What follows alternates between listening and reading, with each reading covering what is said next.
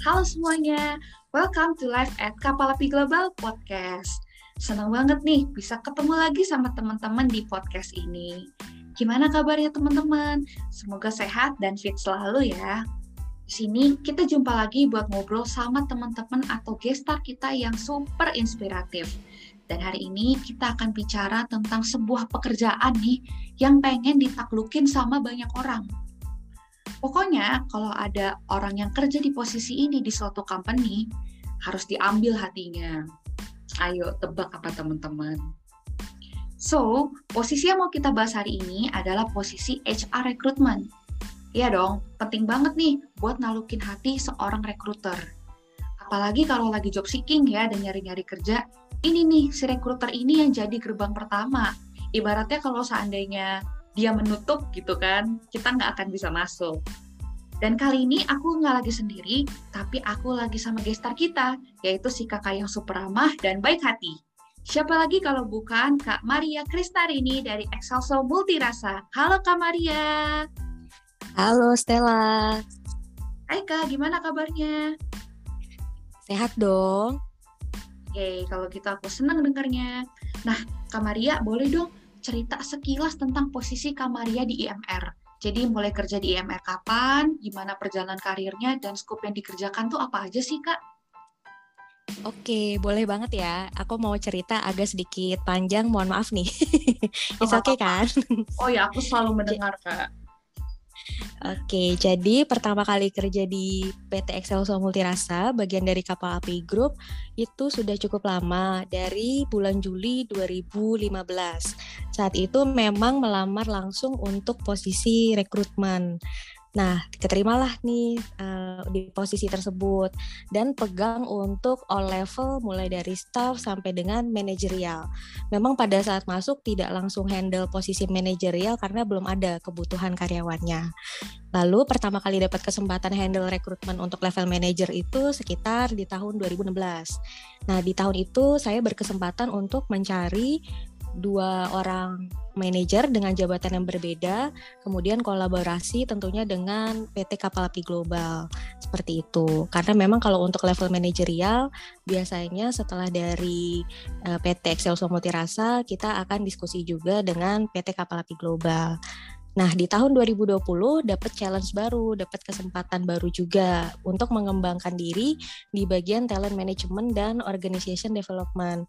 Jadi, talent management ini lebih banyak nanti melihat potensi-potensi yang ada secara internal mengenai pengembangan karyawan untuk uh, ke tempat karir yang jauh lebih baik seperti itu. Oke, itu sekilas tentang aku IMR Stella. Jadi maksudnya dari kata Kamaria tadi berarti role sekarang itu adalah talent management dan organization development gitu ya. Tapi sebelumnya Kamaria ini berada cukup lama di posisi rekrutmen gitu ya Kak. Kira-kira selama berapa lama nih kalau dari 2015 itu? Berarti kurang lebih sekitar empat tahun. Wow, empat tahun. Berarti bisa banget ya teman-teman kalau kita mau gali-gali soal rekrutmen sama kakak yang satu ini. Nah oke, okay lebih dalam soal rekrutmen nih Kak, kira-kira apa sih aspek gitu yang biasa dilihat seorang HR dalam interview pekerjaan? Oke, mulai dari hal yang sederhana itu mengenai attitude. Nah, attitude ini bisa dari berbagai hal. Pada saat awal kita koordinasi sama kandidatnya, bagaimana kandidatnya merespon respon ke HR seperti itu. Tentunya yang kita cari yang memiliki positif attitude, misalnya membalas email dengan sopan, dengan respon yang cepat, lalu ketika ingin mereschedule jadwal menginfokan via email seperti itu dan tidak mendadak. Itu positif attitude yang kami lihat. Lalu ada poin berikutnya seperti pada saat nanti sudah interview kita lihat tentang satu uh, dia sesuai atau enggak ya dengan culture-nya kita. Jadi biasanya setiap perusahaan itu memiliki value atau culture yang ingin dibangun dari perusahaannya melalui karyawannya. Contoh kalau di tempat kami tentu salah satunya winning team. Nah, berarti nanti kami mencari kandidat yang memiliki value atau sikap yang winning team di dalam pekerjaannya seperti itu. Nah, yang berikutnya kita juga melihat soft skill. Soft skill ini tergantung dari jabatan yang dilamar. Misalnya, seorang HR rekrutmen mau mencari untuk posisi kalau yang biasa saya handle itu waiter atau waitress di cafe, buat kafenya Excelso tentunya. Nah, soft skillnya seperti apa yang dibutuhkan? Satu, kemampuan komunikasi. Kedua, eh, bagaimana dia bisa beradaptasi dengan orang baru. Terus yang ketiga, kemampuan bahasa Inggrisnya bagus atau enggak ya? Karena kalau bagus menjadi nilai plus seperti itu. Kemudian ada juga kita melihat technical skill. Technical skill itu biasanya kita lihat dulu berdasarkan job desk dari jabatan yang mau kita cari. Contohnya kalau tadi balik lagi mengenai pencarian kandidat untuk waiter atau waitress di kafenya Excelso. Technical skillnya berarti dia harus punya basic service skill. Bagaimana cara dia untuk melakukan interaksi yang baik, memberikan pelayanan yang maksimal ke tamu atau customer seperti itu. Jadi nanti pada saat interview kita juga tanya-tanya mengenai technical skill itu dia punya nggak ya tadi basic service skillnya seperti itu. Nah terus uh, hal-hal lainnya itu biasanya tentang kalau kita bilang ya bagaimana cara dia menjalani karir dia, pilihan karir dia, motivasinya dia dalam bekerja seperti apa. Itu sih Stella biasanya yang aku lakuin. Oke, jadi teman-teman bisa catat ya yang tadi disebutin Kamaria, aspek yang dilihat seorang HR itu ada attitude, ada soft skill, technical skill, dan cara pikir gitu ya, tentang menjalani karir, tentang motivasi dia, dan lain-lain. Nah, lalu next questionnya, apa sih Kak definisi kandidat yang oke okay, versi IMR? Oke, jadi kalau menurut saya berdasarkan biasanya hasil review sesuai dengan kebutuhan perusahaan dari aspek-aspek yang tadi kita lihat. Jadi seperti ini contohnya. Setiap kandidat itu pasti punya kelebihan dan kekurangannya masing-masing. Artinya jika suatu kandidat itu tidak lolos rekrutmen dalam prosesnya, apakah dia kandidat yang jelek Tentu saja bukan, tapi lebih tepatnya kalau saya biasanya mengartikannya kandidat tersebut belum sesuai dengan kebutuhan perusahaan. Artinya ya memang setiap perusahaan itu memiliki kebutuhan khusus mengenai jabatan yang ingin dicari. Seperti itu. Lalu yang kedua, ada konsistensi gambaran profil kandidat dari sisi psikotes dan interview. Karena nih biasanya orang kan tentunya ingin lolos seleksi, betul nggak Stella? Iya pasti dong kak. Oke, nah mereka pasti akan berusaha sebagus mungkin pada momen interview maupun psikotes. Namun ada kalanya mereka bisa jadi seperti kayak oh aku bagus-bagusin aja deh sehingga tidak menjadi diri sendiri. Nah, itu nanti akan kelihatan dari hasil review seorang HR dari berbagai tes yang dilakukan. Ada psikotes, ada interview, kemudian ada nanti tes mengenai kemampuannya dan seterusnya. Itu kalau menurut aku dari pengalamanku ya sebagai seorang HR recruitment. Lalu selanjutnya nih aku mau nanya nih ini pertanyaan yang penting nih dan pasti jutaan orang di luar sana menanyakan pertanyaan yang sama. Kamaria kira-kira punya nggak sih tips interview untuk kandidat? Gimana caranya supaya disukai oleh HR pada umumnya? Oke, pas banget nih. Uh, aku lagi pengen banyak sharing tentang hal tersebut karena terkadang hal-hal ini luput gitu ya dari uh, fokusnya mereka. Yang pertama itu good attitude. Good attitude seperti kita membuat first impression yang baik ke pihak HR seperti itu. Uh, good attitude apa? Seperti yang tadi awalnya aku contohkan hadir tepat waktu, terus membalas respon dengan cepat, terus menunjukkan inisiatif ketika tidak bisa hadir ya meresponlah ke HR apakah mau di reschedule atau tidak, mau mengundurkan diri atau tidak, seperti itu. Lalu yang kedua, memperhatikan penampilan yang profesional seperti itu. Jadi tadi balik lagi ke poin yang sebelumnya bahwa seseorang itu akan dilihat sesuai atau dengan culture-nya dari perusahaan.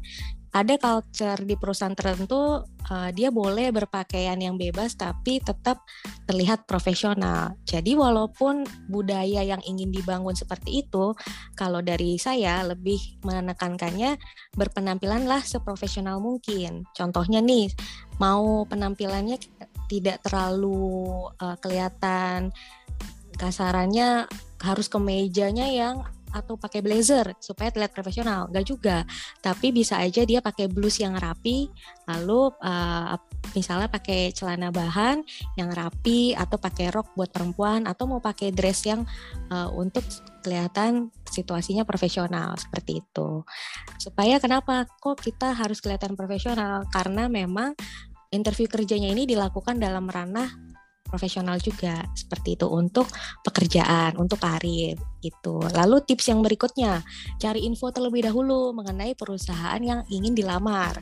Kenapa? Supaya mudahnya itu obrolan kamu sebagai seorang kandidat nanti bisa nyambung dengan HR-nya seperti itu. Karena pasti sering banget nih ditanya sama HR-nya, apa yang kamu tahu tentang perusahaan kami? Lalu kenapa kamu tertarik dengan perusahaan kami? seperti itu.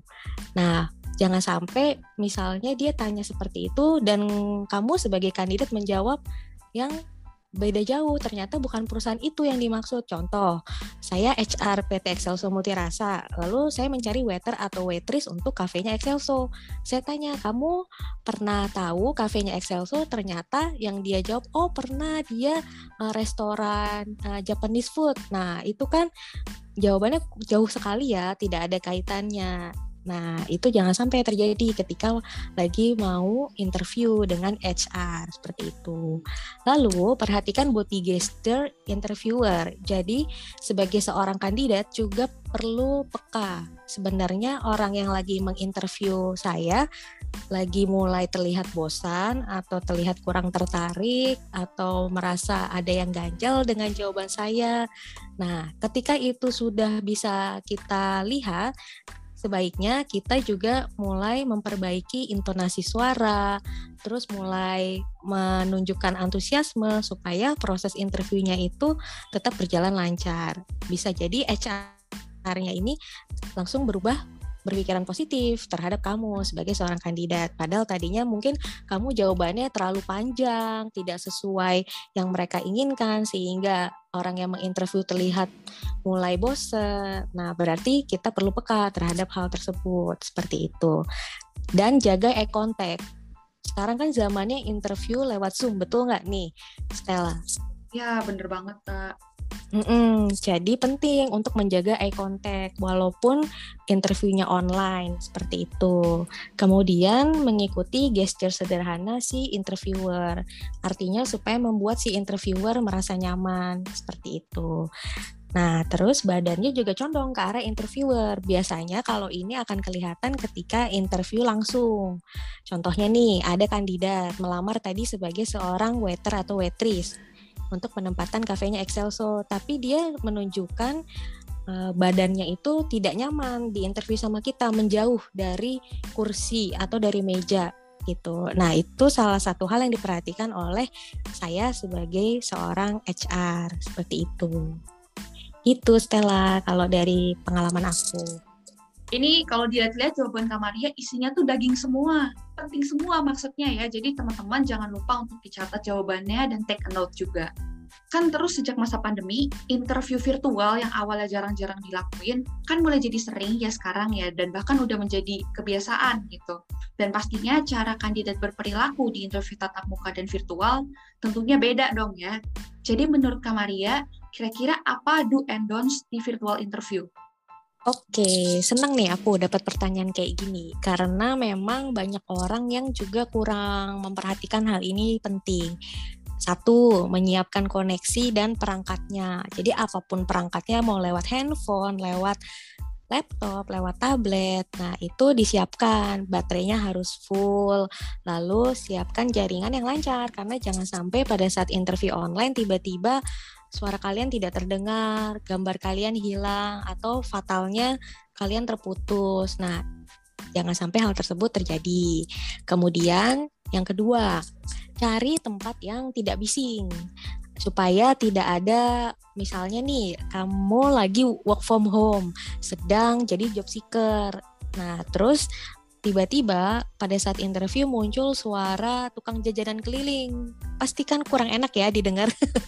Walaupun sebenarnya itu lucu juga gitu ada tukang suara bakso gitu atau jualan es. Cuman kan jadi uh, tidak fokus gitu proses iya. interviewnya. Oke alangkah lebih baiknya cari tempat yang tidak bising. Nah yang ketiga atur latar belakang video.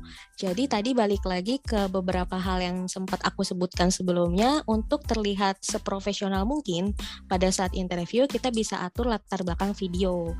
Nah, kita bisa pilih gambar yang kita mau. Kalaupun kita tidak mau menggunakan gambar virtual tersebut, ya carilah latar belakang yang bersih. Contohnya kalau lagi tadi interview di kamar karena lagi work from home, belakangnya jangan ada gantungan baju. Setuju nggak, Stel? Setuju, Kak. Iya, misalnya belakangnya tembok, itu masih nggak apa-apa ya, seperti itu. Nah, terus ada poin berikutnya, gunakan headset. Penting karena tadi kalau kamu menggunakan headset, kamu bisa mendengarkan informasi, pertanyaan dengan lebih fokus dan meminimalisir tadi bunyi-bunyi kayak kresek-kreseknya itu supaya tidak terdengar. Misalnya nah kita tidak sengaja menjatuhkan sesuatu karena kita grogi pada saat interview online ya. Kalau kita menggunakan headset tentu menjadi suaranya tidak terlalu terdengar seperti itu. Poin berikutnya banyak ya tips dari aku daging semua nih. Iya, Kak. Gak apa-apa kan ya? Gak apa-apa. Untung ini podcast yang tersimpan gitu kak ya, jadi bisa di replay sewaktu-waktu kita hmm. Oke. Okay. Okay. Nah, cek video online untuk pilih angle yang tepat. Jadi kalian latihan dulu untuk menggunakan aplikasi uh, kita akan video call. Contoh kalau mau pakai Zoom berarti dicoba dulu pakai Zoom, cari angle yang tepat supaya tampilan kita itu terlihat bagus. Karena tadi saya sudah infokan juga first impressionnya penting loh dari kamu ke orang lain seperti itu. Nah, terlihat profesional tadi berkali-kali aku bahas dan jaga eye contact. Jaga eye contact ini tadi balik lagi bahwa kenapa penting itu menunjukkan seberapa antusias kita, seberapa kita menghargai proses interview itu, seberapa kita benar-benar menunjukkan minat terhadap perusahaan tersebut. Nah, itu poin positifnya kenapa kita perlu eye contact. Pelajari cara penggunaan aplikasi untuk interview online yang dipakai perusahaan tersebut. Karena biasanya setiap perusahaan beda-beda. Ada yang misalnya punya platform tersendiri atau dia pakai yang sering kali digunakan banyak tempat, misalnya kayak Google Meet atau Zoom Meeting seperti itu, supaya nanti prosesnya bisa lancar. Jangan sampai di tengah-tengah interview disuruh untuk matikan video, kalian bingung bagaimana caranya, sehingga waktu interviewnya menjadi molor gitu. Itu dunya, donsnya juga nggak nih style atau nanti aja? Sekarang juga kak sekalian. Oh sekalian ya, oke siap-siap ya banyak dengan ya, info, ya. info dagingnya ya. Mantap. Berarti donsnya jangan sampai tidak persiapan sama sekali. Persiapannya apa saja tadi do yang harus dilakukan. Lalu jangan sampai penampilan kita tuh tidak terlihat profesional. Contohnya tadi sesederhana interviewnya di rumah karena kita work from home. Lalu kita tidak berpakaian rapi, hanya pakai kaos Nah, itu membuat penilaian dari orang yang menginterview menjadi berkurang. Kebetulan aku pernah mendapatkan kandidat yang seperti itu dan itu rasanya kurang nyaman ya. Gitu. Lalu ada juga nih karena ingin menunjukkan good attitude berupa kedisiplinan datang di interview online, jadi agresif untuk link jauh sebelum waktunya kalau menurut aku itu sebaiknya dikurangi. Kenapa? Karena seorang HR juga punya kesibukan lain. Sehingga ketika dia sudah mengatur jadwal ya artinya mendekati waktunya ya silahkan join. Jangan sampai ketika sudah agresif mau join link kamu sebagai seorang kandidat terus kesel kenapa kok HR-nya nggak accept aku? Gitu. Contohnya nah kalau lebih bagus lagi bisa berkomunikasi sama HR-nya. Misalnya chat WhatsApp HR-nya bertanya apakah interviewnya sudah bisa dimulai sehingga kalian bisa janjian mau join linknya jam berapa seperti itu. Contoh interviewnya jam 14.00 nah misalnya jam 13.45 kamu menunjukkan inisiatif hubungi HR-nya apakah sudah boleh join link? Nanti akan diinfo sama HR-nya oh silakan join linknya 10 menit lagi ya. Kalau seperti itu kan enak komunikasinya. Gitu. Terus masih banyak ya. Mohon bersabar ya teman-teman semua. Oke, jangan sampai ada suara bising masuk. Tadi sudah sempat aku bahas ya, kenapa itu kurang nyaman buat seorang HR pada saat menginterview, begitupun buat kamu. Kamu juga pasti akan menjadi nggak fokus. Nah, yang terakhir deh, tidak fokus untuk sambil curi-curi obrolan dengan orang sekitar kamu atau sambil curi-curi balas WhatsApp kerjaan. Kenapa seorang HR bisa tahu? Karena pada saat kalian interview online dan kalian ada eye contact dengan HR-nya, dia akan melihat kamu fokus atau tidak dari eye contact yang kalian lakukan. Ketika kalian mulai tidak fokus eye contact-nya, terus ternyata obrolannya mulai terbata-bata atau obrolannya mulai singkat-singkat. Nah, dan tiba-tiba gestur badannya seperti mau ada aktivitas lain, itu mengesankan ke kita yang menginterview kamu bahwa jangan-jangan kamu lagi ngobrol nih sama orang lain di sekitar kamu atau kamu sambil curi-curi bales WhatsApp kerjaan. Itu sebenarnya kenapa kita perlu terlihat profesional dengan meluangkan waktu seperti itu supaya memang proses interviewnya tadi berjalan lancar. Dia sebagai seorang HR menilai kamu juga lebih positif karena kamu dianggap menghargai perusahaan itu dengan cara mau meluangkan waktu seperti itu. Kalaupun misalnya urgent sekali gitu ya, ada panggilan atau ada hal yang harus kamu jawab, silahkan minta izin ke HR-nya. Mohon maaf, uh, bolehkah saya minta jeda sebentar satu menit karena ini urgent seperti itu. Misalnya kamu dapat chat uh, ternyata ada kecelakaan keluarga kamu, orang tuamu masuk rumah sakit. Nah, terus kamu harus segera merespon Nah itu mau nggak mau kita minta izin. Dan saya pernah mengalami kejadian itu. Kandidatnya mohon maaf sekali dapat berita duka. Jadi keluarganya ada yang meninggal. Lalu menunjukkan good attitude, meminta izin untuk di reschedule saja dan tidak bisa melanjutkan interviewnya. Itu. Oke, dari aku sih cukup ya. Oke, ini tipsnya benar-benar menarik dan daging semua ya. Dan aku tertarik nih sama tips-tips terakhirnya Kamaria ya. Kalau seandainya HR itu sebenarnya bisa menilai nih atau lebih mudah menilai kalau seandainya kandidat nggak fokus, gerak-geriknya seperti apa, eye contact seperti apa, karena ya sehari-hari berinteraksi sama manusia gitu ya kak ya, dan ada beberapa pattern yang mungkin berulang gitu ya. Iya, betul banget. Kalau kamu udah mulai nggak nyaman sama proses interviewnya, itu seorang HR bisa melihat loh, gitu. Wah, atau bahkan kamu nggak tertarik sama perusahaannya itu juga bisa kelihatan Oke oke, jadi so guys hati-hati sama HR enggak dong, enggak gitu dong ya? enggak dong. Ini bersahabat kok. Aku boleh ini nggak? Boleh sharing uh, apa hal menarik nggak? Ini honestly pernah ada kandidat bilang gini ke aku, wah ternyata uh, interview dengan ibu menyenangkan ya, karena yang ada di bayangan saya seorang HR, ibu-ibu pasti galak, terus nyeremin lah, bingung nanti dia bakal nanya apa, bakal kepoin aku. Ternyata enggak ya, uh, ibu bisa se-friendly itu, bisa membuat saya tuh merasa nyaman menceritakan pengalaman-pengalaman saya, terus menghargai saya gitu. Jadi itu sharing pengalaman bagus sih buat aku, terus uh, menjadi masukan yang positif juga buat aku gitu Stella. Wah, gimana perasaannya Kamaria pas dapat apresiasi kayak gitu? Tentu senang banget ya karena ternyata kandidat itu juga ingin diajak ngobrol. Jadi walaupun mereka butuh pekerjaan, mereka berharap ingin lolos, kebanyakan kan kandidat tegang ya. Jadi kalau yeah. mereka dibuat merasa nyaman dan tidak merasa terhakimi, karena uh, eh, HR recruitment bukan hakim ya, ya bukan yeah, yang bertanya jawabannya harus yang uh, seserius mungkin, seteoritis mungkin, enggak gitu. Jadi ketika seseorang merasa nyaman, dia akan berbicara apa adanya itu hal yang selalu aku pegang gitu.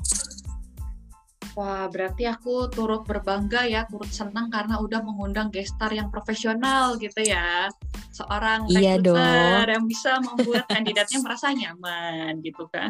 Betul. Tapi iya sih Kak, maksudnya kalau seandainya kita bertemu sama rekruter yang menurut kita mungkin apa ya yang terlalu berjarak dengan kita gitu ya terlihat mungkin agak kurang friendly dan menghakimi itu sangat mempengaruhi mental kita gitu sebagai kandidat ya jadi mungkin yang awalnya kita udah prepare udah siap sebagai kandidat terus menghadapi yang kayak gitu tuh buyar semua apa yang ada di kepala kita dan turns out yes. yang keluar tuh bukan potensi kita yang sebenarnya Mm -mm. Jadi ma malah jadi anxiety kita atau jadi keminderan kita gitu.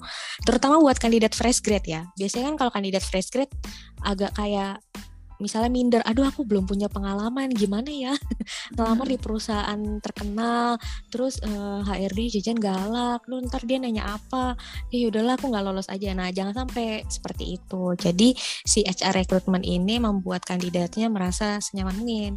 Nah, itu basicnya dari pengalaman aku dulu waktu awal-awal mencari pekerjaan pernah ketemu sama rekrutmen yang menyenangkan dan tidak menyenangkan. Jadi itu dijadikan uh, acuan ketika diri sendiri menjadi seorang rekrutmen gitu, Stella. Hmm, jadi untuk menjadi seorang rekruter gitu ya empati itu penting ya kak ya. Jadi kita memperlakukan orang lain sebagaimana orang lain itu mau diperlakukan gitu. Yes, good point. Hmm. Oke, lalu kan tadi Kak Maria sempat sharing dikit nih tentang pengalamannya. Aku mau nanya lebih lanjut dong. Ada nggak sih pengalaman interview nih selama empat tahun Kak Maria kerja jadi rekruter yang paling berkesan? Terserah mau in a good way atau mungkin yang kurang bad way. gitu. Setiap ditanya ini aku jawabannya selalu sama karena in a good way yang berkesan banget adalah interview kandidat level manajerial untuk seseorang yang saat itu seperti aku belum punya banyak pengalaman interview kandidat yang pengalamannya sudah banyak gitu. Kenapa? Karena kalau seseorang yang sudah level manajerial biasanya dia pengalamannya tuh asam garamnya pasti lebih baik dari aku. Betul nggak sih? Kita nih oh, kasarannya ya, yang masih imut-imut hmm. harus ngobrol sama orang yang lebih senior. Pasti kan ada perasaan cemas, ada perasaan takut nggak terlihat profesional, takut salah bertanya.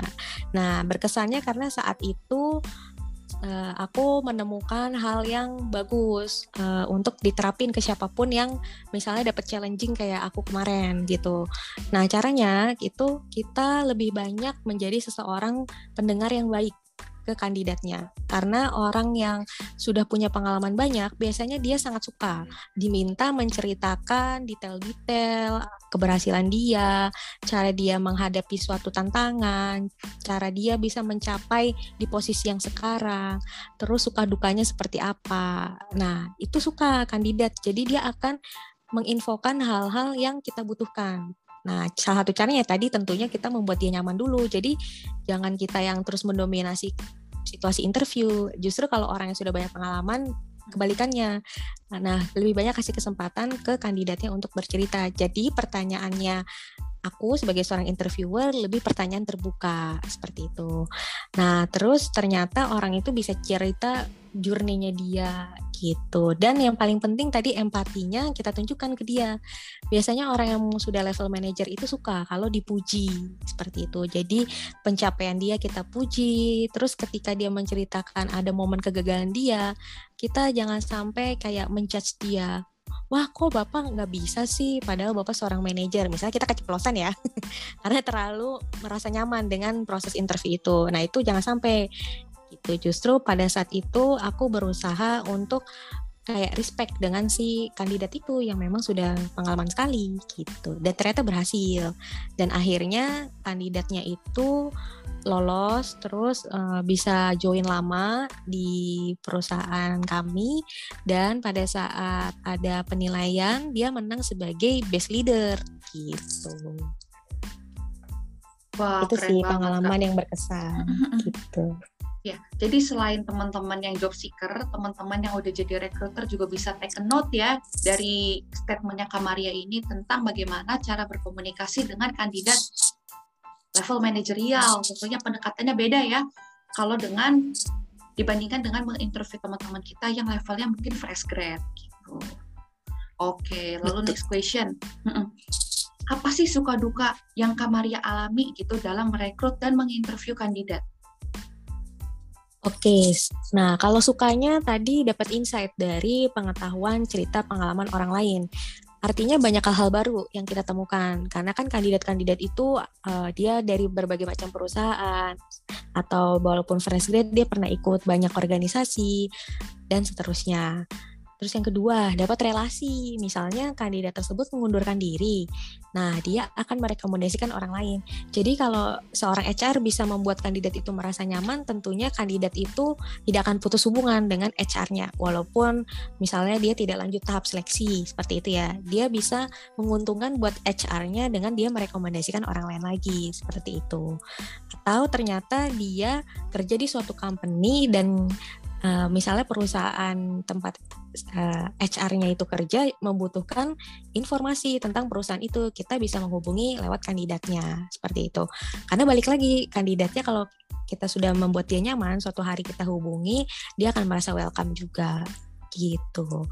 Nah, terus ada self achievement yang dirasain atau kebanggaan ketika kandidat yang direkrut tadi memang berprestasi dan pernah membuat atau seperti penilaiannya bagus di mata banyak orang. Seperti tadi yang saya ceritakan, saya pernah juga tuh kandidat level manajerialnya menang best leader seperti itu.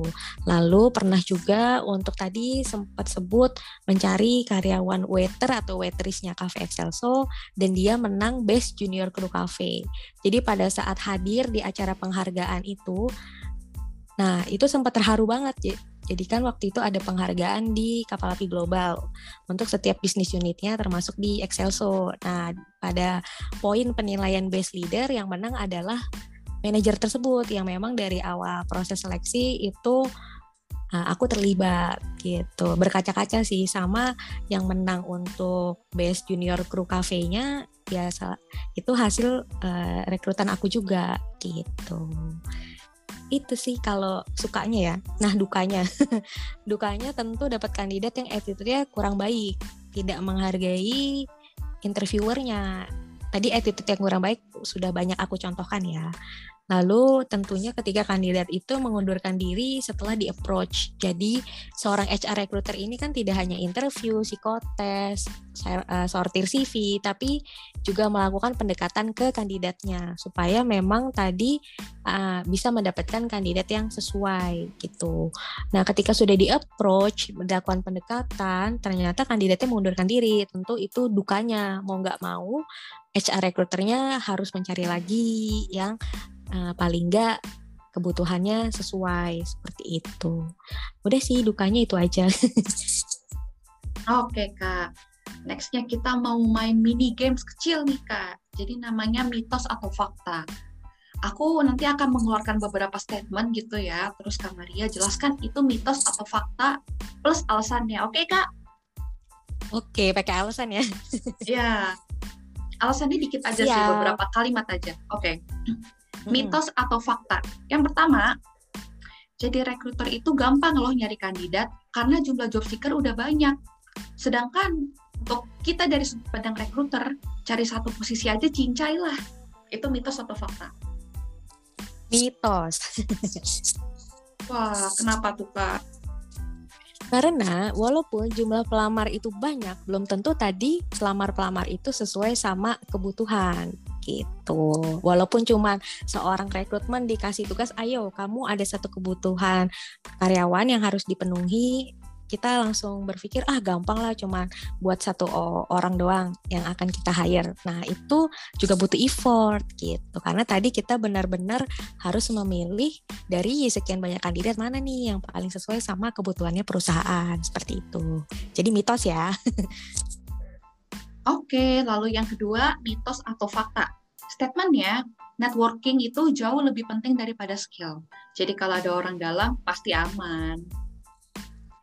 Oke, itu mitos juga. Nah, kenapa mitos? Karena walaupun ada tuh pernah kejadiannya, dia merasa punya networking, tapi pada saat interview dan psikotes menunjukkan attitude yang kurang baik. Nah, kalau seperti itu kan menjadi teknik khusus ya buat HR recruitment juga gitu. Jadi walaupun kamu punya networking di dalam tempat tersebut, uh, kamu tetap harus menunjukkan attitude yang baik, berusaha semaksimal mungkin menunjukkan skill kamu juga gitu. Karena sistem rekrutmen di sini ya udah profesional gitu ya. Tetap penilaian utamanya seperti yang Kamaria sebutkan ya ada attitude, soft skill, hard skill. Jadi hmm, itu jadi betul banget. bukan sesuatu yang big deal. Oke, selanjutnya statement ketiga, mitos atau fakta kalau interview harus pakai kemeja putih. Karena pas zaman zaman interview offline gitu ya pas kita kita masih jadi job seeker mm -hmm. dari pengalaman job seeking aku orang-orang tuh kalau wawancara suka banget pakai kemeja putih. Apakah kita harus ikut ikutan pakai kemeja putih kak? Dan fresh grad harus beli banyak kemeja putih gitu? Enggak dong kecuali memang di uh, bagian tertentu. Contohnya kalau buat kru kafenya Excel so memang pada saat melamar mereka diwajibkan dress code-nya kemeja putih karena terkait servis uh, di food and beverage industry gitu. Tapi kalau yang untuk level lain itu nggak harus kemeja putih. Balik lagi tadi yang penting penampilannya kamu sebagai seorang kandidat terlihat profesional itu. Soalnya kadang-kadang kita kayak suka FOMO sendiri kan beda sendiri. Eh kok yang lain pada putih, kok warnanya hitam sendiri gitu kan? Padahal nggak apa-apa gitu, nggak ada yang larang. Iya iya benar-benar. Paling kamu dibecandain nanti sama HR-nya e, eh, mau melayat ya Mbak. Oke oke, statement selanjutnya mitos atau fakta. Kita tuh di interview nggak boleh grogi. Bahkan orang yang skillful, yang jago, yang walaupun kalau dia grogi kemungkinan bisa ditolak karena terlihat seperti nggak punya communication skill. Oke, okay, kalau itu fakta. Kenapa? Karena tadi balik lagi, sekalipun kita sudah banyak pengalaman, tapi kalau kita tidak menyiapkan diri, kita ujung-ujungnya grogi seperti itu. Tapi ada juga yang berpendapat, ah aku kan udah sering banyak interview, pasti aku nggak grogi lah. Kenyataan enggak. Intinya balik lagi, kalau kamu tidak menyiapkan diri, kamu pasti akan grogi. Karena bisa jadi HR recruitmentnya akan memberikan pertanyaan yang bikin kamu kayak, hah dia nanya itu, aku mesti jawab apa ya? Betul nggak, Stel? gitu. Jadi itu fakta ya.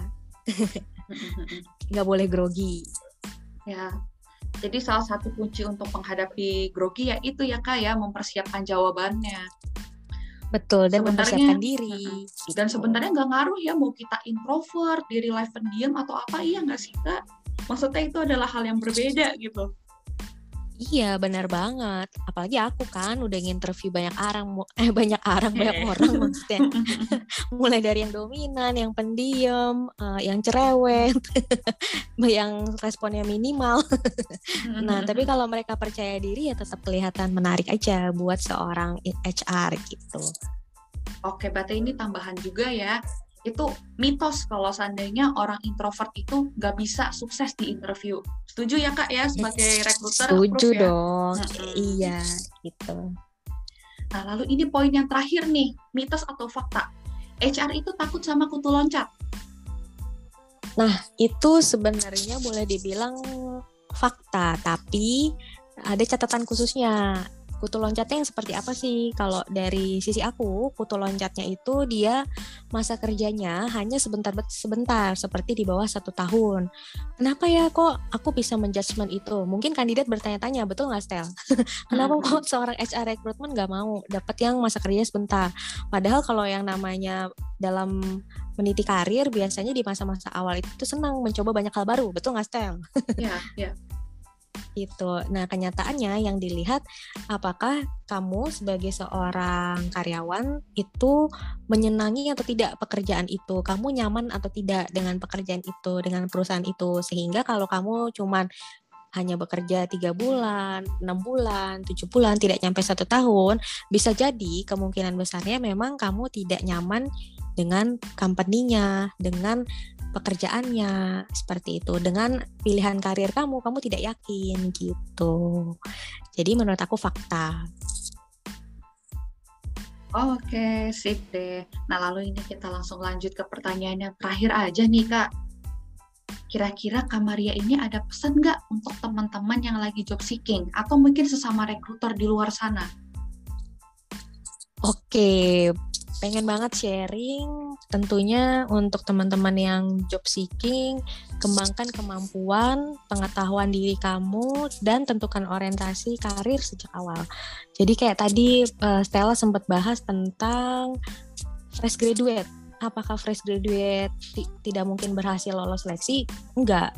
Yang penting tadi pengetahuan kamu sebagai seorang fresh graduate, kemampuan kamu, lalu uh, kamu memang sudah menentukan dari awal mau orientasi karirnya seperti apa, kamu bisa meyakinkan si HR recruitmentnya pada saat interview itu. Begitu. Misalnya kamu punya prestasi pada saat kuliah, sering ikut kejuaraan, macam-macam seperti itu. Nah, kalau buat rekruter, pesan aku bertanggung jawablah dengan uh, setiap keputusan yang dibuat. Jadi artinya kalau misalnya kita mau merekomendasikan kandidat atau tidak merekomendasikan kandidat, itu kita memiliki alasan yang jelas. Contoh nih, jangan sampai alasannya ah, aku nggak suka sama kandidat itu karena dia misalnya mohon maaf ya uh, bau badan atau tidak wangi gitu. Tapi kita perlu ada poin-poin lain alasannya juga. Dan yang paling penting perluas koneksi seperti itu. Perluas koneksinya itu uh, contohnya ketika kita tadi ya ada approach dengan kandidatnya, kita justru bisa dapat kandidat baru dari si kandidat yang lama tadi gitu.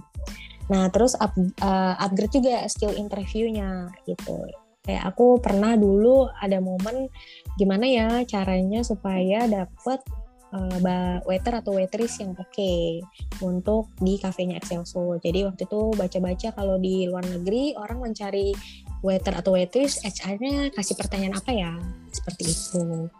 Nah kalau buat barista gimana ya uh, pertanyaannya? Terus perluas relasi tadi aku udah sebutkan sama berempati. Jadi balik lagi aku tekankan sebagai seorang uh, rekruter juga perlu berempati dengan kandidatnya karena kandidatnya juga misalnya merasa grogi atau kandidatnya sedang uh, tidak enak badan. Misalnya kelihatan ya ternyata kok dia kayaknya nggak maksimal mengerjakan psikotes atau pada saat interview bisa jadi hal sepele kayak dia belum sarapan. Pernah nggak Stel? Ngalamin kayak gitu lagi interview. Nggak fokus Wah, karena nggak sarapan. aku selalu sarapan sih kak kalau interview. Tapi memang hmm. iya sih maksudnya kalau untuk secara performa daily sarapan itu berpengaruh kak jadi kalau diajak ngomong mm -hmm. tuh tentu jauh lebih connect. iya betul. Makanya hal sederhana yang biasa aku lakukan ketika interview kandidat itu biasanya ada air minum supaya tadi uh, membuat kandidat merasa lebih nyaman ketika dia terlihat mulai grogi, terlihat mulai nggak nyaman atau bahkan dia kelihatannya kayak sakit karena belum sarapan. Minimal dia minum air putih dulu gitu berempati tadi contohnya seperti itu sih. Udah itu aja tips-tips dan pesan-pesan dari aku. Oke, mantep nih Kak. Thank you banget Kak Maria atas inspirasinya, inspirasinya dan ilmu-ilmu dagingnya nih Kak. Thank you juga atas waktu yang udah Kak Maria luangkan ya di tengah-tengah kesibukan, hektik-hektik akhir tahun. Pokoknya thank you banget. Oke Kak? Oke, okay, thank you juga Stella dapat kesempatan yang sangat langka ya.